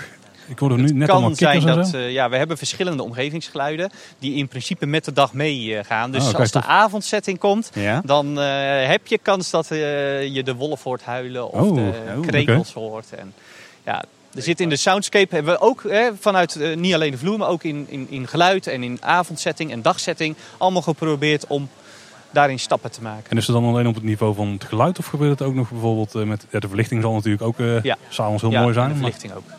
ik ben heel benieuwd. Dus moeten we meerdere keren op een dagje En dat is natuurlijk wel gunstig dat het nu al herfst is, want dan heb je ook mooi straks veel tijd dat het Ja, mooi uit. komen. Zaterdag en zondag na eh, tegen Wat, wat, wat kunnen we qua belichting verwachten op het slot? Of van het slot? Dus hele sprookjesachtige belichting. En het bijzondere als we het dan toch over verlichting hebben, vind ik dat wij, eh, zoals je nu ook ziet, de hele dag eh, de kaarsen laten branden. Ja. En ik denk dat juist de hoeveelheid armaturen ook op het slot, eh, s s'avonds de kaarsjes nog, hè, nog zichtbaarder zijn. En dat een heel bijzonder, ehm, heel bijzonder zicht zal zijn. Je hebt stiekem al gezien s'avonds natuurlijk. Hè? Ja, natuurlijk. Het, gaat wel, Ja. het flikkert wel denk ik, die, eh, die lampjes. Het zijn net echt eh, vlammetjes. Ja, we hebben het ons glas erop ook, eh, aangepast. En eh, het is best een hele exercitie geweest om uiteindelijk dit zo te hebben. Maar ja, je wil het sprookje van de Efteling zo mooi als mogelijk met elkaar brengen. En dat is echt heel tof dat we met elkaar daarvoor gegaan zijn. Hey, er is in totaal zo'n eh, tien maanden gebouwd aan het sprookje. Tot welk moment ben jij als ontwerper nou echt betrokken geweest bij wat hier buiten gebeurde? Tot, tot welk moment ben je aan het ontwerpen? Nou, eigenlijk tot, tot aan de officiële oplevering. Kijk, Ja, want eh, ja, ik vind het zelf ook eh, elk, zo bijzonder dat elke fase heeft ook zijn eigen aandacht. En juist die laatste fase, waarin je bijzondere zaken kan toevoegen, is gewoon een heel mooi onderdeel van het proces. Dus ik ben helemaal graag van A tot Z eh, aanwezig bij de bouw en, en realisatie. En zaten er dan ook nog dingen tegen tijdens het bouwproces? Eigenlijk niet. Geen voorspoedig. nee hoor, je doelt op de, op de ingang die we iets hebben moeten verbreden ja. voor, de, voor de zwanen. Maar echt tegen. Want heel eerlijk, wij hebben ook op tijd een zwaan hier la, eh, laten komen. Eh, juist om die hele ronde eens een keer te maken. Wat kom je allemaal tegen? Juist ook omdat we zo heel dicht op de gast willen zitten om het ook klein te houden. Dus ja, het is ook een beetje het risico van de, dat we met elkaar ook grenzen hebben opgezocht. ja, het is allemaal heel knus. Het voelt allemaal heel erg, ja, Ja, en daardoor is het wel, ja, dus een beetje het nadeel van, van wat we hebben willen bereiken met elkaar. En de oplevering is volgens mij... We weten niet wat de officiële opleverdatum was, maar hij is vervroegd. Want het zou oktober zijn volgens mij. Initieel eh, was dat de communicatie. Volgens mij Dus is het een maandje voorspoedig eerder gegaan. geworden dan wat, eh, wat er ooit is gezegd. Wat, wat, wat zijn nou de details waar jij het meest trots op bent in het sprookje? Waar, waar moeten onze luisteraars nou echt op letten als ze hier eh, ingaan? Eigenlijk zijn al veel punten wel benoemd al hè, in, in dit gesprek over wat bijzonder is. Hè, over de zwanenpootje, over materialisatie op de vloer, over de armaturen. ehm, over de blik van Elisa, over wie zij is. Over eh, je bij jezelf toelaten dat dat, dat dat binnen kan komen. Gewoon de rust is nemen in, in het, ehm, bij het venster.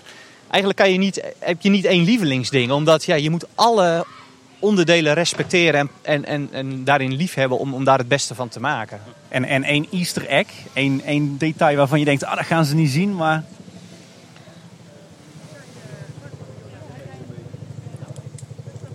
De Chinook-helikopter hier ook, eh, op deze timing. Had ik niet verwacht inderdaad. Nee, dat laten we even nog. Oké, Ja. mooi. Ehm, ja, dit sprookje voelt voor mij in ieder geval als echt Eftelings. Heel authentiek, eh, haast nostalgisch. Eh, Hoe heb je dat nou voor elkaar gekregen? Heb jij een bepaalde hand geleend? Of is het echt typisch Sander? Of... Ja, het is wel een fascinerend vraagstuk. Het is in basis is dat we natuurlijk de signatuur van het park respecteren. Dus het begint met respect voor je voorgangers en respect voor de grondleggers van het Sprookjesbos. Ehm, en het gaat ook over een dialoog met het werk van Piek en een dialoog met het werk van voorgangers. Eh, en een dialoog dan in een dialoog met, het, met de tekeningen natuurlijk. Ja, en het gaat erover elk, elk deel van het proces daarin de diepte opzoeken. En ook hè, als het dan over technisch gaat, als het gaat over krapwerk, als het gaat over kleur, als het gaat over mos, kosmos, varens, asters in het, in het veld hier rondom. Ja, dan gaat het over gewoon wel de wil met elkaar om er gewoon heel ver eh, voor te willen gaan. Ja, nou dat is zeker gelukt. Eh, daarover gesproken een klein leuk detail. Er hangt weer zo'n klassiek bordje aangeraden wordt te passen op uw beurs en uw tassen. Maar de tekst is anders. Hoe zit dat?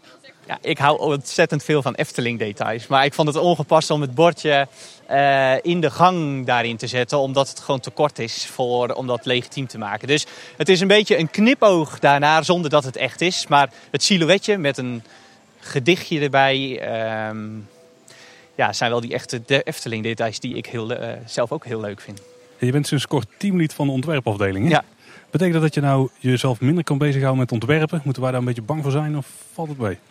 Nou, toen ik ging solliciteren op de functie, eh, was al in de eerste zin duidelijk dat ik altijd zou blijven ontwerpen. Omdat Oh, ik in mijn hart echt ontwerper ben.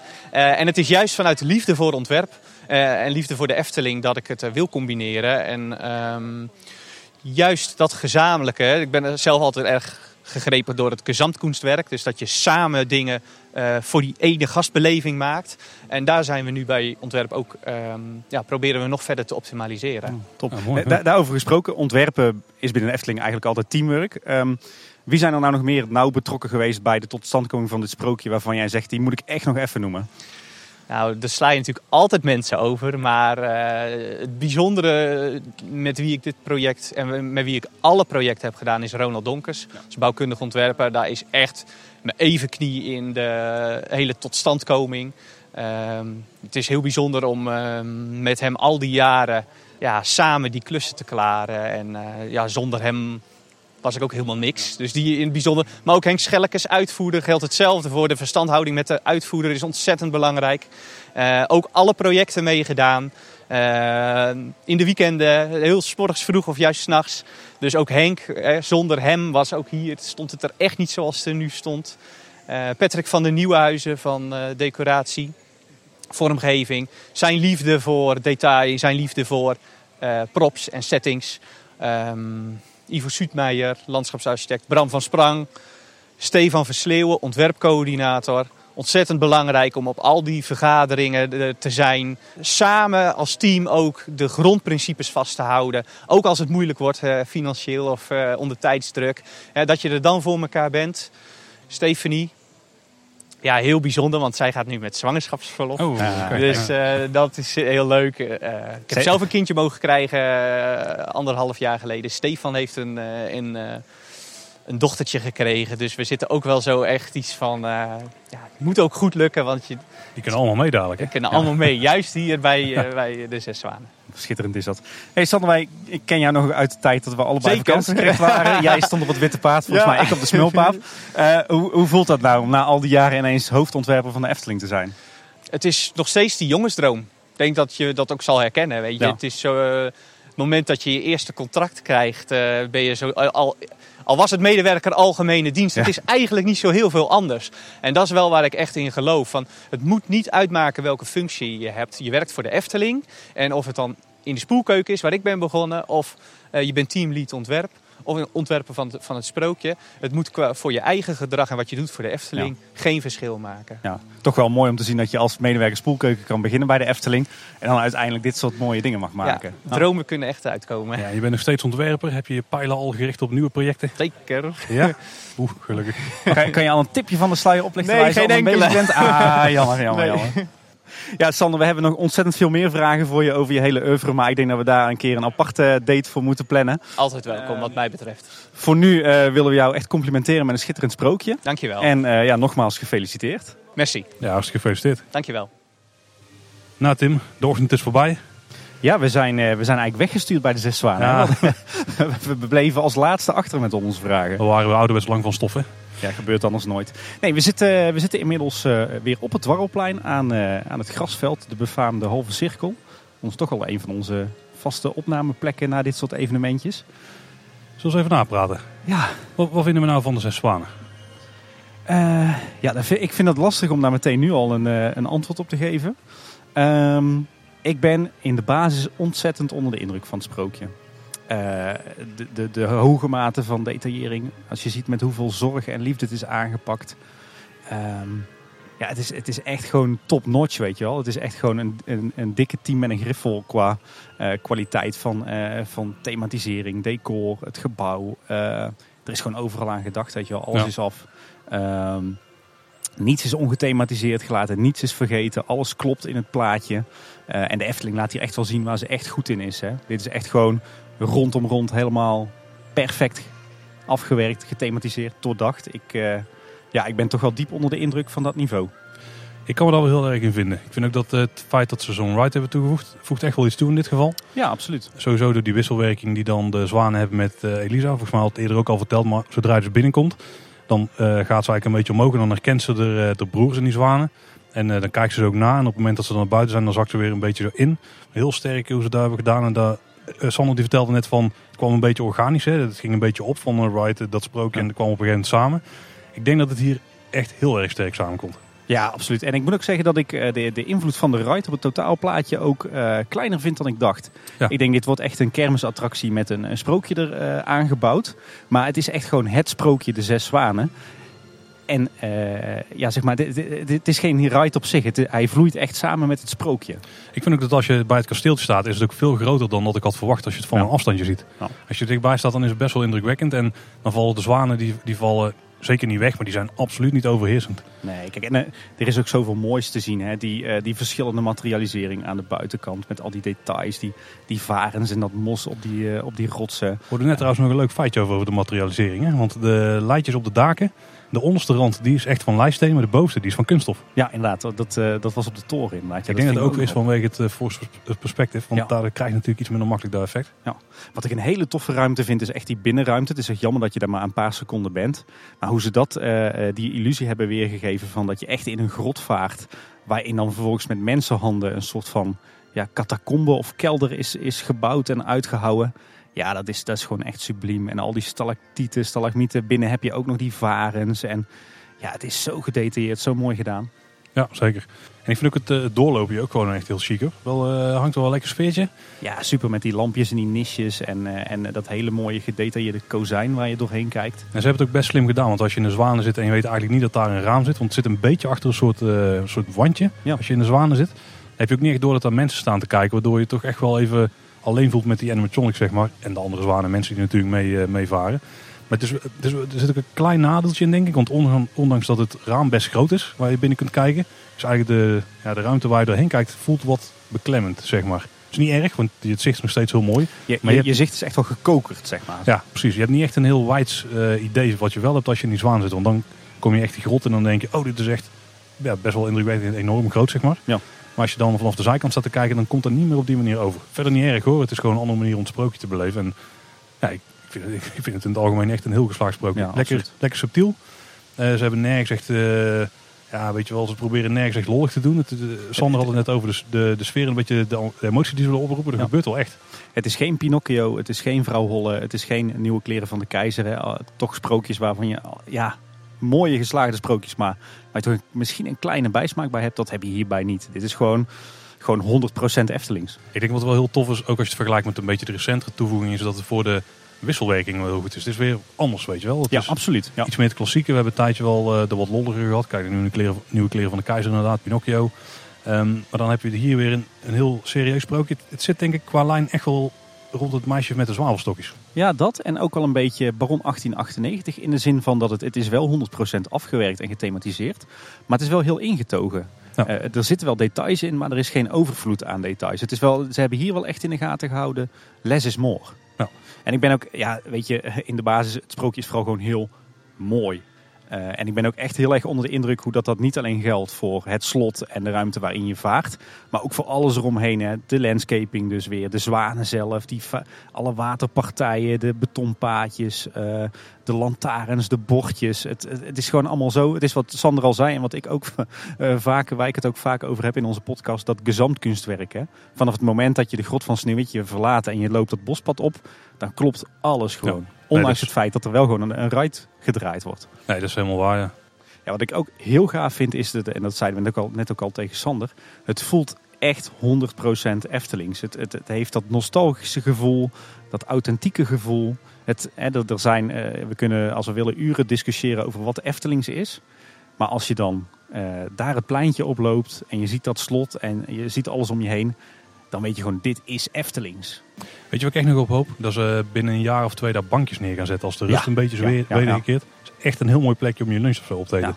Overigens is, eh, als we het dan toch over gezamtkunstwerk hebben, ik vind de, de muziek ook schitterend van René Berkelbach. Mogen we Eh, zeker niet onvermeld laten, ja. En ik, ik, de soundscape vind ik ook heel gaaf. We hadden het eh, daar straks al over, een, eh, over kikkertjes. Maar ik hoorde nu ook een aantal keren, terwijl we aan het opnemen waren, een, partij zwanen aankomen vliegen als het ware. Ja. En zo zijn er nog meer geluidseffectjes van met name dieren. Heel gaaf gedaan. Ik denk dat daar in die making-of die wij dus nog niet hebben gezien, misschien staat die inmiddels online, ik heb het eigenlijk niet gecheckt, zou kunnen. maar dat het daar wel wordt uitgelegd wat er allemaal precies gebeurt Ja. en zo. De animatronic van Elisa vind ik ook echt heel fraai. Ook echt een typische Eftelingse animatronic. Eh, wat en hoe, daar moeten we het binnenkort maar eens over gaan hebben in Kleine Boodschap. Eh, maar ik ben daar ook heel erg eh, van onder de indruk. Zowel qua bewegingen als qua masker, eh, gelaatsuitdrukking en, eh, en kleding. Ja, en ook hier is het weer heel eigenlijk tactisch gekozen. Hè? Tenminste, het is allemaal een samensmelting en het is door de, door de jaren heen zo eh, gevormd. Maar je hebt de zwanen, nou, dat is natuurlijk een ideaal transportmiddel. Maar ook de animatronic, het feit dat zij niet mag lachen, dat zij eigenlijk niet echt emotie mag tonen. Dat werkt natuurlijk heel goed, want je kunt dan een heel mooi masker maken Ja. waar verder geen echte beweging in Ja, hoeft te klopt zitten. inderdaad. Ja. Dat is wel heel tactisch eigenlijk weer. Overigens wil ik dan, want eh, nu lijkt het net alsof we eh, alleen maar heel erg positief zijn. Nu zijn we dat ook, maar ik wil toch één kleine kanttekening maken als jij het goed vindt. Vertel, vertel. ik heb toch nog eh, een beetje mijn twijfels bij de show. Eh, wat ik voor mijn gevoel nu een beetje mis, is op het moment dat je binnenvaart. eh, er gebeurt voor mijn gevoel te weinig. Er, zit geen, eh, geen verhaallijn in, geen, geen storyboard. Er wordt niet echt naar een climax toegewerkt. Er gebeurt weinig met licht of geluid, of muziek of zo. Er wordt ook niks verteld. Het, het- voor mij is het showtje wat je ziet als je met de, de zwanen binnenvaart, is eigenlijk wel minimalistisch. En ik weet nog niet of dat ik dat nou goed of fout vind. Ja, want hoe is dat anders dan bijvoorbeeld Sneeuwwitje of door een roosje die ligt te slapen? Want in principe zijn we toeschouwer van een moment. En daarin gaan ze niet het hele verhaal uitleggen. Dat doen ze wel een beetje in het, in het tunneltje. Dat vind ik ook een beetje misschien een vreemde balans. Maar uiteindelijk Ja. is het wel leuk dat er toch iets verteld wordt. Dus je krijgt het verhaal dan wel beter mee. Ja, ik heb, ik heb wel het idee, als je het sprookje echt goed wil ervaren, dan, dan moet je het zo allebei doen. Hè? Dus dan moet je ook eh, eh, het, eh, vanuit het, het kijksprookje doen, zeg maar. Ja, zeker. Ja. Maar stel dat je nu alleen de, de zwanenride doet, wat denk ik best wel veel mensen gaan doen.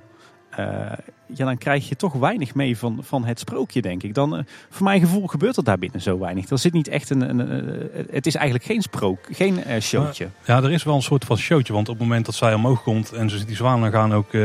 die eh, glasvezels komen dan tot leven, zeg maar. Dus Ja. dan zie je die, ja, die asters. Ja, die glimsteringen zitten ook in het, in het truitje inderdaad. En eh, dan, komt er, dan komt er van licht binnenschijnen op Elisa. Dus er gebeurt wel van alles, alleen je ziet het gewoon heel kort. En misschien Ja. is het dat ook wel een beetje. Ja, ik weet ook nog niet zo goed wat ik ervan moet vinden. Hoor. Want weet je wat het is? Eh, aan de, het, het heeft misschien ook met verwachtingen te maken. We hebben natuurlijk een heleboel sprookjes gehad in de Efteling de laatste jaren. eh, waar echt een showtje wordt afgedraaid. En, eh, met, met dus inderdaad een verhaal en, eh, en animatronics die daarop reageren. En allerlei effectjes en muziek en licht en geluid. Eh, misschien was dat wat ik verwachtte. Ehm, dat is dit echt niet. Eigenlijk vaar je gewoon langs een tafereeltje. Ja. Dat is eigenlijk wat het is. Nou, dat had ik dus wel verwacht. Dus wat mij betreft zijn de verwachtingen helemaal, voldoet de sprookje helemaal aan. Ja, misschien, misschien leefde ik dan te veel in een, in een verkeerde film of zo. Hoor. Dat ik daar ook wat, eh, eh, wat aanzwellende muziek verwachtte en, en een vertelling of wat kreten. En dat er echt wat meer gebeurde. Dat is het duidelijk niet. Maar misschien is dat juist ook wel goed. Want na al die showsprookjes is het ook wel eens goed om gewoon weer zo'n ouderwets tafereeltje te hebben. Back to En, basics. en, en niet een, een halve wonderlijke Efteling show eh, in je sprookje, zeg maar. Dus ik, ja, ik zit daar nog een beetje over te dubbel wat ik daar nou van vind. Ik ben hier eigenlijk wel heel blij mee. Ik ben wel blij met dat ze gewoon voor een, een rustig sprookje hebben eh, gekozen. Past hier ook wel bij, hè? Ja, Het is, ook, eh, en het is weer zo'n, misschien is dat denk ik type sprookje wat ik wel het liefste heb als we even terugkijken naar de top 7's. Dat je, dat je het meer beleeft, zeg maar. Ja. Je, je bent zelf heel klein beetje die zwaan. Het is natuurlijk heel vreemd dat we in, de, in de rug van een zwaan zitten, want daar komt het in de praktijk natuurlijk op neer. Maar je voelt je even, die, als ze dan je aankijkt, voel je even van, oh ik ben nou die broer, weet je wel. Je kunt je erin verplaatsen, dus je bent daar onderdeel van. En als je dan ehm, aan de zijkant eigenlijk langs loopt, ja, dan ben je weer meer die toeschouwer zoals je er bij Ja. loersprookjes heel erg bent. Ja, misschien dat, dat, dat die wisselwerking dat, dat inderdaad goed maakt. Want ja, voor mijn gevoel, als je nu alleen de show doet, dan krijg je toch net te weinig mee van, van wat het is. Kijk, het is dat wij al, al maandenlang enthousiast zijn over dit sprookje. En eh, het sprookje zelf ook al tig keer hebben gelezen. Dus wij weten hoe het verhaal in elkaar zit. Maar als je dat niet weet, en het is natuurlijk een relatief onbekend sprookje, dan draagt dit het tafereeltje aan zich daar niet heel veel aan bij natuurlijk. Dan denk je van ja, we varen door een grot en dan zit de mesje te braaien. Maar dat is toch niet veel anders dan een sneeuwwitje die in een grot ligt of een Ja, maar dat een zijn wel net een weer de kapje. meer bekendere sprookjes. De klassiekers die iedereen kent. Hè? En soms wordt daar ook toch een vertelling voorgedragen. Ja, maar toch, ik denk dat heel veel kinderen sprookjes hier juist leren kennen.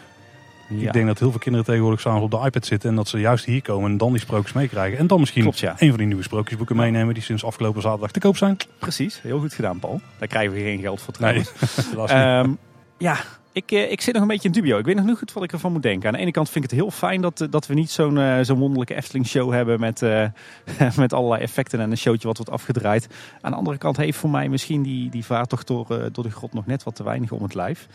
Maar ik moet daar nog een ei over leggen de, de, de komende tijd. Ik vind het een van de beste toevoegingen van het Sprookjesbos. Ik denk ooit. Ik denk als we nu een top 7 maken en nu is het natuurlijk nog helemaal shiny. Oké. Ja, wat mij betreft, even los van dat wel of geen show. Eh, als je kijkt naar mooi, Eftelings. Ja, dit is gewoon inderdaad een team met een griffel. Dit, het kan gewoon wat mij betreft niet mooier, niet Eftelingser, niet gedetailleerder, niet geslaagder dan, dan zo, dan de Zes Zwanen. Waarbij ik het echt weer super knap vind dat er eigenlijk hetzelfde is gebeurd als bij eh Baron 1898. Namelijk dat ze niet over de top zijn gegaan, maar dat het heel subtiel en ingetogen is gehouden. En dat ze ook echt die Eftelingse touch hebben kunnen raken. Is het voor jou een eh, bevestiging dat ze het nog kunnen? Absoluut, 100%. Zeker, zeker wat betreft eh, decorbouw, animatronics, eh, detaillering, decoratie, vormgeving, landscaping. Subliem. Ik heb me wel eens afgevraagd of het niet goed zou zijn als, als er een scenario schrijver of een storyteller of een regisseur op de ontwerpafdeling van de Efteling zou werken. Omdat storytelling en hoe breng je een verhaal over en wat vertel je wel en niet en hoe expliciet ben je in je storytelling of niet, is nog wel een aandachtspuntje bij de Efteling af en toe. Ja, dat is wel een goede inderdaad. Want ik, ik mis het niet, maar ik had wel verwacht dat er misschien nog iets meer verwijzingen naar het verhaal in het tunneltje zaten. Want nu, het is het, is het slot, het verborgen slot. Ik denk van misschien dat er nog een brief van die vader dan ergens hangt Ja. of zo, weet je wel. Met van, eh, het, het gaat jullie goed en hopelijk eh, jullie worden goed beschermd door Ik, de ik denk dat dat misschien wel de- kern is van mijn, van mijn twijfel. Dat eigenlijk het, eh het tafereeltje, het showtje, te weinig om het lijf heeft om een sprookje wat zo onbekend is, toch duidelijk te maken aan het publiek. Maar Tim, sprookjes zijn geen populariteitswedstrijd. Absoluut, dat hebben we vandaag, eh, geleerd. vandaag geleerd. Nee, dus eh, dat is een kanttekening bij een verder ja, subliem mooi uitgevoerd eh, sprookje. Absoluut. Ik, Ik ben hier heel, heel, heel blij mee. ben dit hier ook ontzettend blij mee. Ja. Ik heb, ik heb waar ik echt nog heel erg benieuwd aan ben, is hoe het Sprookjesbos, of hoe dit stukje van het Sprookjesbos er over een jaar of drie uitziet. Als het helemaal lekker is dichtgegroeid en zo. En die, eh, die grond is helemaal bedekt van het verleidje wat we daar bijvoorbeeld Ja. zagen. Ik denk Ja. dat het heel tof gaat worden. De landscaping wordt alleen maar mooier. Ik vind het wel een fout dat ze die haag laten staan. Die conifera haag die moet Ja. er gewoon zo snel ook uit. Nou, hij mag op zich wel blijven staan, maar hij is nu gewoon af tot 1,20 meter of zo, weet je wel. Ja, maar de coniferen horen daar ook niet. Zet er gewoon lekker nog wat, eh, wat bosplantsoenen in of zo. En eh, een van de doelstellingen was juist om, eh, om het sprookje van Assepoester eh, meer zichtbaar en meer in trek te- maken. En ik denk dat het helemaal niet verkeerd zou zijn als je gewoon vanaf het sprookje van de zes zwanen ook richting Assepoester kunt kijken. Ja, Ja, die wil ze natuurlijk nu afscheiden. Maar nu is het echt een soort van groene wand, hè? die, die haag die kan gewoon niet, die moet eruit. Laten we het verder positief houden. Want Ja. volgens mij zijn we altijd wel heel tevreden met wat hier eh, Absoluut. gekomen. 9,7. Nou, dat was het weer voor deze week. Bedankt voor het luisteren. Heb je nou nog vragen, opmerkingen of wil je je eigen mening over de zwaan aan ons laten weten? Nou, dat kan absoluut. Een voiceclipje zou leuk zijn. Die kun je bijvoorbeeld mailen naar info.kleineboodschap.com. Ja, die krijgen we te weinig, vind ik. Eh, maar je kunt ook altijd gewoon vragen sturen via Twitter. Daar zijn we Edka Boodschap. Via Instagram en Facebook. Daar zijn we Kleine Boodschap. Ja, en je kan ons eh, ook bereiken via www.kleineboodschap.com. En dan vind je het contactformulier en daar kan je ook op reageren. En verder zijn we te vinden op YouTube, Spotify en eh, alle gebruikelijke en ongebruikelijke podcast apps. En vond je dit nou leuk, dan kun je natuurlijk altijd abonneren, mocht je dat nog niet hebben gedaan. Hè? Precies, of een eh, rating achterlaten in eh, iTunes. Wordt ook altijd gewaardeerd. Dat was het weer voor deze week. Bedankt voor het luisteren. Tot de volgende keer en houdoe. Houdoe wacht.